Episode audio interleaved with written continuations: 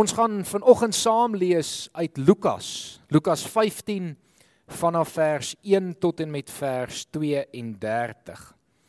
Lukas 15 vanaf vers 1 tot en met 32. En dit is drie gelykenisse wat Jesus vertel, elkeen wat iets, iets vertel van verlorendheid. En ek lees dit vanoggend vir ons voor. Die tollenaars en sondaars het almal die gewoonte gehad om na Jesus te kom luister. Hierteen het die Fariseërs en die skrifgeleerdes beswaar gemaak en gesê: Hierdie man ontvang sondaars en eet self saam met hulle. Toe vertel Jesus vir hulle hierdie gelykenis. Sê nou een van julle het 100 skape en een van hulle raak weg. Wat doen hy dan? Hy laat die 99 in die veld staan en gaan agter die een aan wat weg is totdat hy hom kry. En as hy hom kry, is hy bly en hy tel hom op sy skouers. As hy by die huis kom, roep hy sy vriende en bure bymekaar en sê vir hulle: "Wees saam met my bly, want ek het my skaap wat weg was weer gekry." Ek sê vir julle, net so sal daar ook in die hemel blydskap wees oor een sondaar wat hom bekeer, eerder as oor 99 mense wat reg doen en nie bekering nodig het nie. Of watter vrou wat 10 silwermuntstukke het en een raak weg, steek nie 'n lamp op en vee die huis uit en soek sorgvuldig totdat sy dit kry nie. En as sy dit kry, roep sy haar vriendinne en buurvroue bymekaar en sê: "Wees saam met my bly, want ek het my geld wat weggeraak het weer gekry." Ek sê vir julle, net so is daar blydskap onder die engele van God oor een sondaar wat hom bekeer. Verder het Jesus gesê: Daar was 'n man wat twee seuns gehad het. Die jongste het vir sy pa gesê: "Pa, gee my die deel van die besittings wat my toekom." Hy het toe die goed tussen hulle verdeel. Nie lank daarna nie, het die jongste seun alles tot geld gemaak en van die ouer huis af na 'n ver land toe vertrek. Daar het hy sy geld verkwis deur losbandig te lewe. Nadat hy alles deurgebring het, het daar 'n kwaai hongersnood in daardie land gekom en ook hy het begin gebrek ly. Hy het toe sommer by een van die mense van daardie land gaan bly en dit het hom na sy plaas toe gestuur om varke op te pas. Daar het hy gewens hy kon sy honger stil met die pele wat die varke eet, maar niemand het hom daarvan gegee nie. Toe kom hy tot inkeer en sê: "My pa het wie weet hoeveel dagloners en hulle het almal oorgenoeg kos. En hier vergaan ek van die honger. Ek sal dadelik na my pa toe teruggaan en vir hom sê: "Pa, ek het teen God en teen pa gesondig. Ek is nie meer werd om pa se seun genoem te word nie. Behandel my soos een van pa se dagloners." En hy het sonder versuim na sy pa toe teruggegaan. Toe hy nog ver aankom, het sy pa hom al gesien en hom innig jammer gekry. Hy hardloop hom tegemoet, omhels hom en soen hom. Toe sê die seun vir hom: "Pa, ek het teen God en teen pa gesondig. Ek is nie meer werd om pa se seun genoem te word nie." Maar sy pa roep sy werksmense: "Maak gou, bring klere, die beste, en trek dit vir hom aan. Sit vir hom 'n ring aan sy vinger en trek vir hom skoene aan. En bring die vetgemaakte kalf, slag hom en laat ons eet en fees vier." Hierdie seun van my was dood en hy lewe weer.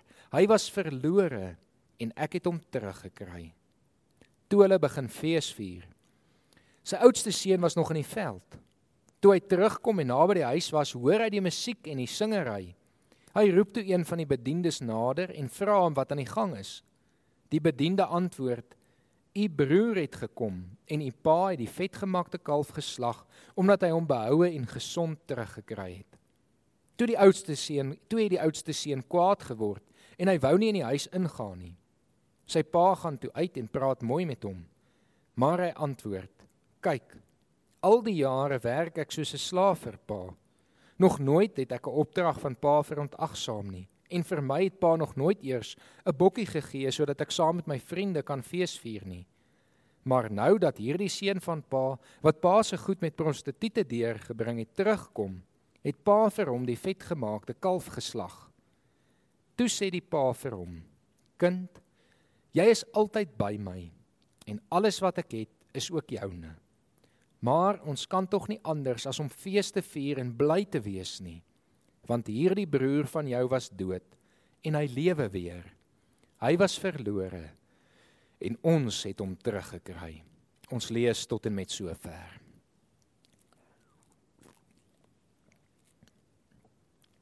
Het jy al verdwaal? Ek bedoel nou nie soos 'n bietjie onseker oor watter rigting om na toe te gaan nie. Ek bedoel soos 'n so verdwaal dat jy geen idee het waar jy is nie. Ek het as student nogal die gewoonte gehad om te verdwaal en die rede daarvoor was omdat ek dit geniet het om elke keer 'n nuwe pad te probeer ry na watter bestemming ek ook al na toe op pad was.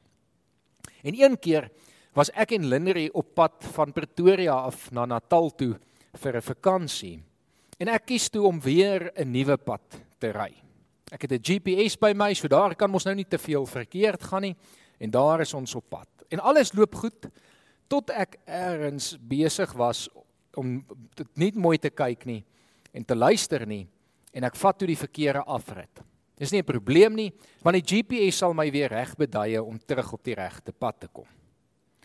En ek begin ry en ry en ek luister na die, GPS en eers bevind ons onsself uiteindelik wat ek dink eers in die middel van Boksburg was.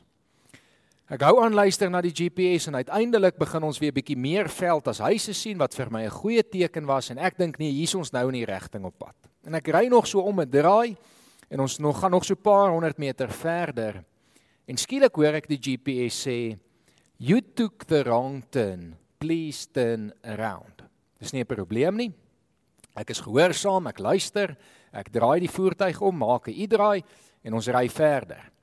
Ek ry weer so 'n paar honderd meter en hier hoor ek weer die GPS aangaan en dieselfde boodskap: You took the wrong turn, please turn around. En dit is daar wat ek besef het, ons is regtig verdwaal. Ons is so verdwaal dat nie eers die GPS meer weet waar ons is nie.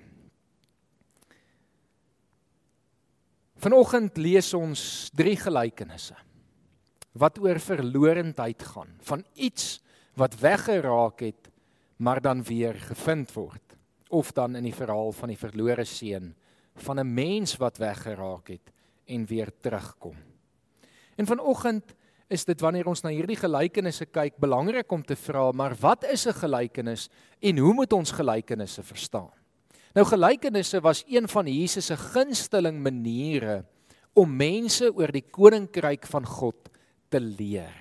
En met gelykenisse het Jesus eintlik gewoonlik 'n storie vertel wat iets uitgebeeld het van hoe God se koninkryk werk en funksioneer, sodat mense God se koninkryk kon verstaan, daarvan deel kon word en binne God se koninkryk kon leef.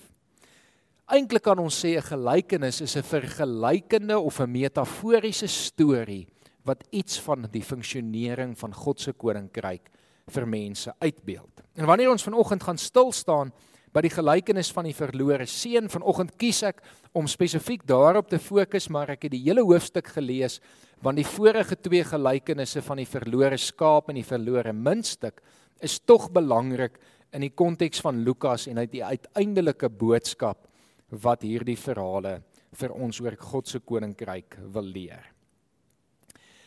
Nou wanneer ons stil staan by die gelykenis van die verlore seun, is dit dalk belangrik om te noem dat daar al duisende interpretasies en verklaringe, preke en boeke oor hierdie gelykenis geskryf is. Dit is waarskynlik die bekendste gelykenis van Jesus. Dit is waarskynlik meeste mense se gunsteling gelykenis Ek glo omdat ons almal daarmee kan vereensgewig. En vanoggend wil ek probeer om tog net weer nog 'n interpretasie van hierdie gelykenis te gee, want hierdie gelykenis het soveel diepteid dat ek nie dink ons ooit alles van hierdie gelykenis sal kan sê nie. My pa het altyd gespot en gesê hy self het al baie preke oor die gelykenis van die verlore seun gehoor.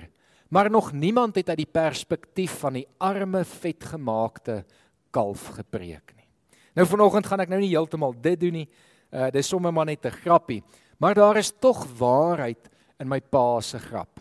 Om te kan sê daar's soveel verskillende maniere om na hierdie gelykenis te kyk en daar's soveel wat hierdie gelykenis vir ons oor die koninkryk van God kan leer dat dit definitief die moeite werd is om weer daarna te kyk.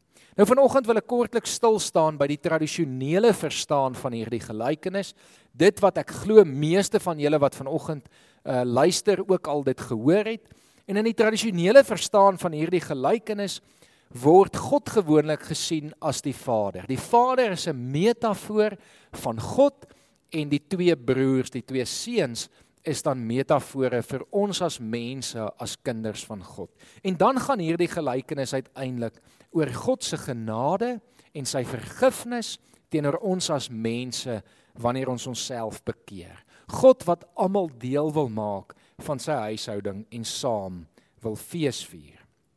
Augustinus, die bekende kerkvader, het byvoorbeeld hierdie verklaring van die gelykenis gebruik en gesê die jonger seun verteenwoordig alle sondaars wat nog buite die kerk is, wat nog tot inkeer moet kom en moet terugkeer na die kerk toe. Terwyl die oudste seun dan gelowig is binne die kerk en binne God se koninkryk verteenwoordig.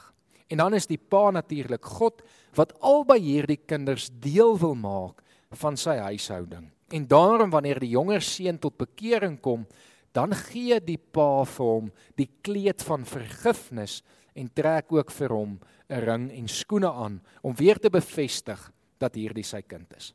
Nou hierdie interpretasie oor God se genade en ons wat tot inkeer moet kom, ons wat vergifnis kan ontvang van God die Vader is heeltemal reg. En is goed om vanoggend daaraan herinner te word. Maar ek wil vanoggend tog so klein bietjie verder gaan want ek glo Jesus het nie net die gelykenisse vertel sodat ons iets oor God kon leer nie, maar ook oor sy koninkryk en spesifiek hoe ons in God se koninkryk kan en moet funksioneer. Met ander woorde, Jesus se gelykenisse het nie net gegaan oor 'n eendag koninkryk nie, maar ook oor 'n koninkryk wat hier en nou is. En wanneer Jesus dan gelykenisse vertel het vir mense, sou mense daarna geluister het en gesê het, dit is hoe ek nou moet gaan leef. Jesus het 'n boodskap gehad vir diegene wat op daardie oomblik die eerste keer na sy gelykenis geluister het oor wat hulle dan moes gaan doen het om deel van God se koninkryk te wees.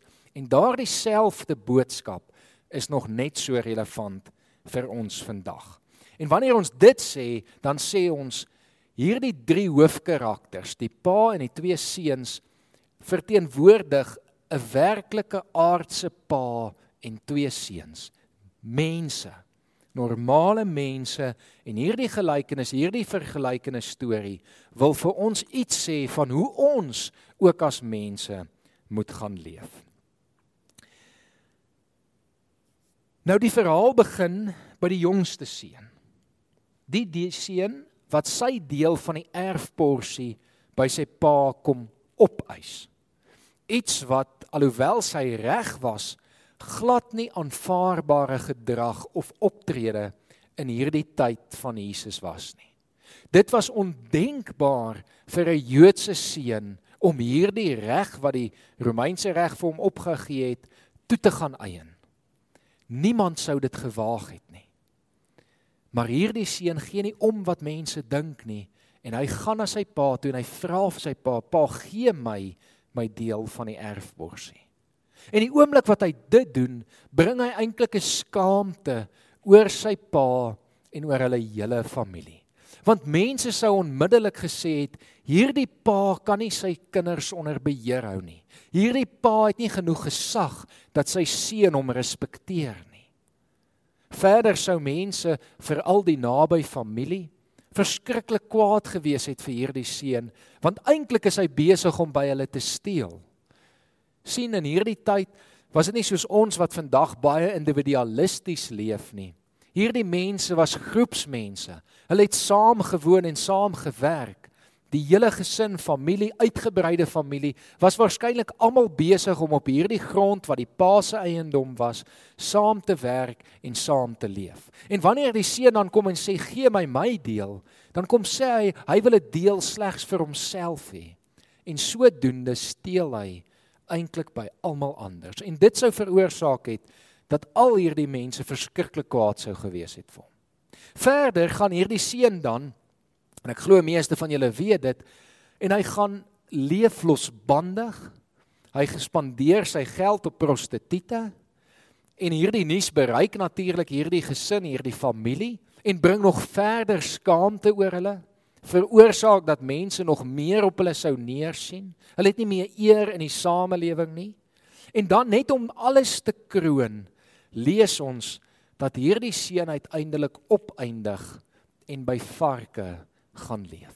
Natuurlik iets wat vir Jode die toppunt van onreinheid was.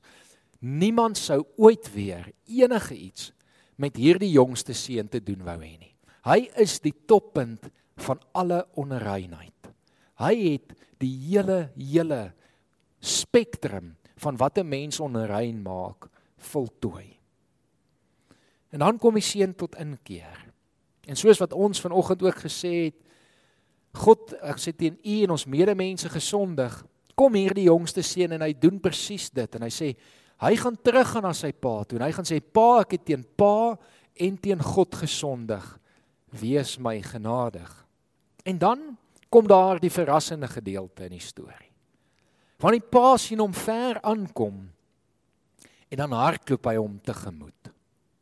Nou die hoorders wat na Jesus sou geluister het, ons lees dit aan die begin in vers 1 van hierdie hoofstuk, die fariseërs, die skrifgeleerdes, die tollenaars en die sondaars, sou almal geweet het, maar dit is nie normale gedrag vir die pa nie. Hierdie is nie wat verwag word van die pa nie. sien want die pa het een kans om sy eer te herstel. Dat wanneer hierdie seun ooit terugkom, hy hom sal wegjaag.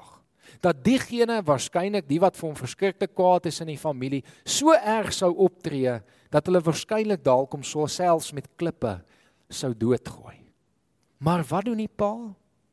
Die pa hardloop. Die pa hardloop sy seun tegemoet en hy doen dit waarskynlik omdat hy sy seun wil beskerm teen almal wat vir hom so kwaad is. En wanneer hy by hom kom, dan gaan die pa nog verder, hy omhels hom en hy soen hom. En deur dit te doen, maak hy homself onrein. Deur dit te doen, aanvaar die pa alles wat hierdie seun gedoen het en neem daardie selfde toppunt van onreinheid op homself. En dit is daar vir daardie rede dat die ouer seun ook later nie in die huis wil ingaan nie. Want deur dit te gedoen het, sou hy homself ook onrein gemaak het. Die pa het nou homself, die seun en 'n groot deel van sy familie eintlik as onrein verklaar. En dan kom ons by die oudste seun. En dit is hier waar vir al die skrifgeleerdes en die fariseërs wat na Jesus geluister het, sou gesê het maar hier is die enigste persoon wat reg optree. Hierdie oudste broer wat kom sê maar dit kan nie so werk nie. Dit is nie wat die Joodse wet ons leer nie. Dit is nie wat die Bybel vir ons vertel oor hoe ons moet optree nie. Die oudste seun wil geregtigheid hê. Die oudste seun maak aanspraak op die feit dat hy nog altyd reg lewe en dan die ironie daarvan dat hy geen beloning ontvang nie.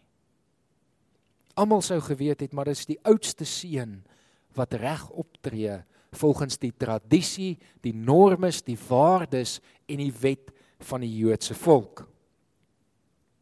Maar dan kom die pa na die oudste seun toe. En hy sê vir hom seun, jy's nog altyd by my en alles wat ek het is ook joune. Maar ons kan tog nie hierdie broer van jou wat dood was en wat weer lewe verwerp nie. Nou hierdie taal is ongelooflik mooi Want eintlik wat hierdie gesin sou gedoen het is hulle sou die oomblik wanneer daardie seun weggetrek het, hom as dood beskou het. Hulle sou hom afgeskryf het en gesê het hy lewe nie meer nie. En dan kom sê die pa, maar nou het hy teruggekeer. En alhoewel hy dood was, lewe hy weer en wil hy vir hom daardie tweede kans gee. En hy hoop die broer sal dieselfde doen. Nou hierdie gelykenis eindig tot 'n mate oop want ons weet nie wat die oudste broer besluit nie. En ek dink Jesus het dit doelbewus so gedoen want hy wil dit ooplos vir elkeen wat na hierdie gelykenis luister om te weet en te vra, wat gaan jy doen? Wat is jou reaksie op die terugkeer van die verlore seun? En vanoggend wil ek hê jy moet vinnig kyk na 'n skildery wat Rembrandt geskilder het.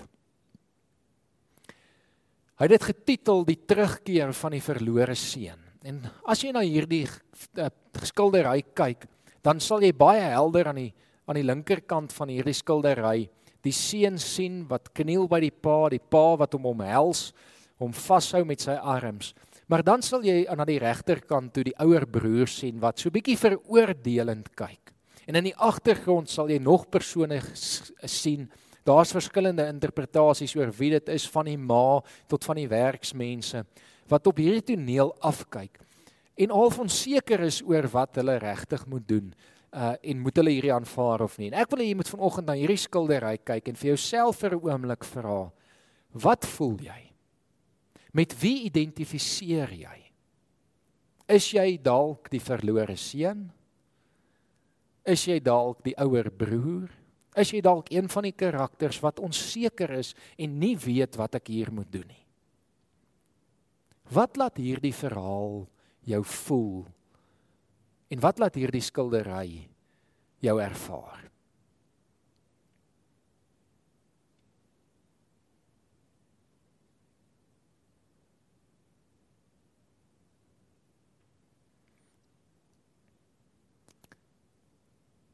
Jesus se gelykenis het 'n baie belangrike boodskap. En sy boodskap keer dit wat die Jode geglo het totaal en al om. Iets wat Jesus eintlik gereeld met sy gelykenisse gedoen het. Dit het 'n verrassende element wat hulle nie sien kom het nie, wat hulle nie verstaan nie, maar so word God se koninkryk oopgebreek. En God se koninkryk gaan oor liefde vir God en liefde vir ons naaste. En in hierdie gelykenis kom Jesus en hy vertel 'n storie aan fariseërs, skrifgeleerdes, maar ook aan sondaars en tollenaars. En eintlik word dit dan vir ons baie duidelik dat die sondaars en die tollenaars baie maklik met die jonger broers sou vereensgewig, hulle wat verlore geraak het, gesondig het, verkeerd opgetree het. En dan natuurlik die fariseërs en die skrifgeleerdes wat beswaar kom maak het en gesê het maar hoekom meng Jesus homself met hierdie mense? Hulle sou natuurlik hulle self vereensgewig het met die ouer broer wat nog altyd reg opgetree het. En dan is Jesus se boodskap baie sterk teenoor hulle, die volgende: Julle sal bly wees oor 'n skaap wat weg was maar gevind word. Die eerste gelykenis wat hy vertel. Julle sal bly wees oor 'n vrou wat se geld weggeraak het en weer gevind word. Hoekom is julle dan nie bly wanneer 'n mens wat weggeraak het weer gevind word nie. Dis die boodskap wat Jesus vir die skrifgeleerdes en die fariseërs wil gee. En daardie probeer hy vir hulle sê in God se koninkryk vergewe ons mekaar. In God se koninkryk moet elkeen van ons soos die Vader optree. Moet ons met genade teenoor ons medemense optree, moet ons genade bewys, moet ons vergewe, moet ons terugverwelkom, moet ons weer mense deel maak van God se koninkryk, deel maak van die kerk. Dit is Jesus se boodskap op die ou ende dat elkeen van ons in hierdie verhaal uiteindelik soos die Vader sal optree. Uiteindelik liefde en genade sal gaan leef. Mense sal vergewe. En miskien is dit tyd dat ons hierdie boodskap van Jesus ernstig opneem. En miskien is dit nodig dat elkeen van ons vandag sal besef maar op 'n manier is elkeen van ons maar nog verlore. Is elkeen van ons maar tot 'n mate nog die jonger seun. Sommige verklaardes sê, maar selfs die ouer broer is eintlik maar ook verlore, want hy ken nog nie die Vaderhart nie. Hy verstaan nog nie wat dit beteken om werklik deel van die huishouding van God te wees nie. En miskien is dit nodig dat ons vandag sal erken as gelowiges of persone wat nog tot bekering moet kom dat ons nodig het om by God die Vader te gaan sit en weer te sê Here hier is ek. Vergewe my. Neem my in. Omvou my met u arms. Maar dan moet ons ook vanoggend vir die Here sê ons wil graag begin leef soos wat hy vir ons gewys het. Dit is eintlik waaroor die koninkryk gaan, dat ons uiteindelik die voorbeeld wat God vir ons gegee het, sal nastreef. Timoteus sê dit so mooi: Wees heilig want God is heilig. Jesus het vir ons die Vader kom openbaar ook in hierdie gelykenis sodat elkeen van ons soos die Vader sal optree. Ek en jy moet leer om soos die Vader te begin leef. Ons moet leer om hierdie wyse van leef toe te pas. Ek hoor in die week mense wat sê hulle kom nie meer kerk toe nie en ek is in hierdie gesprek met hulle oor hoekom nie. En uiteindelik sê hulle vir my hulle voel altyd net veroordeel en verwerp. En dit was vir my baie sleg om dit te hoor. En daar besef ek maar dit pas so in by hierdie gelykenis. Miskien is ons kerk te vol persone wat nog identifiseer met die ouer broer. Wat nog leef soos die ouer broer en dink ons is reg en nie genade het met diegene wat soos die jonger broer gesondig het en verkeerd opgetree het, maar tog tot inkeer kom nie. Ons moet wegbeweeg van die jonger en die ouer broer en ons moet die vaders word. Die vaders wat mekaar vergewe, vir mekaar lief is, bereid is om onsself op te gee, onrein te maak, ons eie beeld skade te doen sodat ons mense wat verlore is kan red. En dan kan ons elkeen fees vier. Vanoggend is hierdie gelykenis oopgestel vir jou. Gaan jy deel word, gaan jy instap in hierdie huisgesin, gaan jy deel word van die feesviering? Gaan jy deel wees van God se koninkryk of gaan jy nog steeds buite staan? Die keuse is joune. Kom ons word 'n oomblik stil en dan bid ons saam. Here, dankie vir hierdie kragtige gelykenis wat ons opnuut weer herinner aan wie U is, maar ook aan hoe ons moet leef. Here, dankie dat U ons vergewe daar waar ons struikel, waar ons val. En dat ons dan kan weet maar dit is U wat ons vang. Dis U wat ons weer kom soek. Dis U wat ons terugbring na die Vaderhuis. Here, dankie dat ons vandag kan weet ons is verlore, maar ons is ook gevind op grond van U genade. En Here, dan kom vra ons dat U ons sal help om met hierdie selfde genade en liefde wat ons van U ontvang het ook teenoor ons medemense te gaan leef. Amen.